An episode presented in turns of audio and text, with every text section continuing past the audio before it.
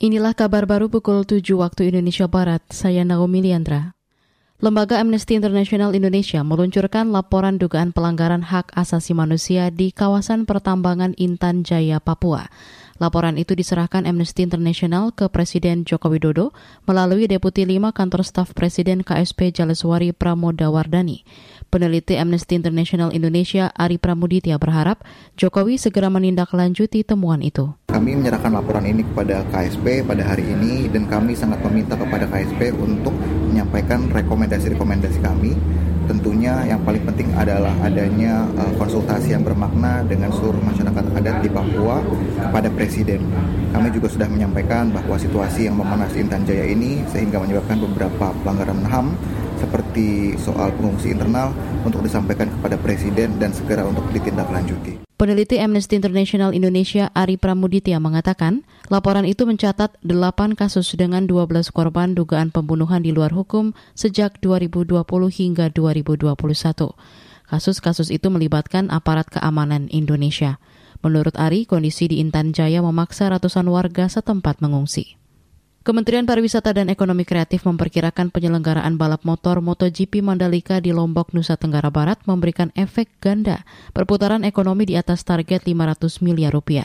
Menteri Pariwisata Sandiaga Uno mengatakan, selain perputaran ekonomi, penyelenggaraan MotoGP juga berdampak menciptakan lapangan kerja baru secara langsung maupun tidak langsung sebanyak 35 ribu hingga 50 ribu orang di antaranya pekerja konstruksi pembangunan jalan kawasan khusus, UMKM, kuliner dan restoran, hingga sektor akomodasi dan lain-lain.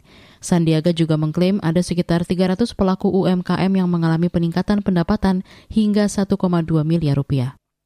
Kita ke mancanegara. Pemerintah Ukraina menolak ultimatum Rusia untuk menyerahkan kota Mariupol. Kota itu saat ini terkepung pasukan Rusia. Laporan selengkapnya bersama Madeyoni dari VOA. Ukraina Senin menolak ultimatum Rusia untuk menyerahkan kota Mariupol yang terkepung, sementara pasukan Rusia melakukan lebih banyak lagi penembakan meriam di ibu kota Ukraina, Kiev.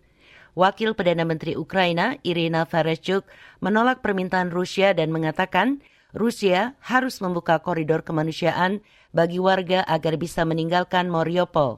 Tidak akan ada pembicaraan mengenai penyerahan apa pun dan meletakkan senjata, kami telah memberitahu pihak Rusia tentang ini, kata Vereshchuk kepada kantor berita Pravda, Ukraina.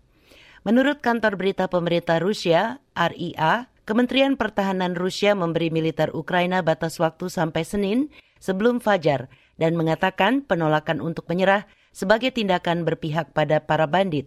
Kepala Kebijakan Luar Negeri Uni Eropa, Joseph Borrell menggambarkan tindakan Rusia di Mariupol itu mengerikan. Demikian kabar baru KBR, saya Naomi Liandra.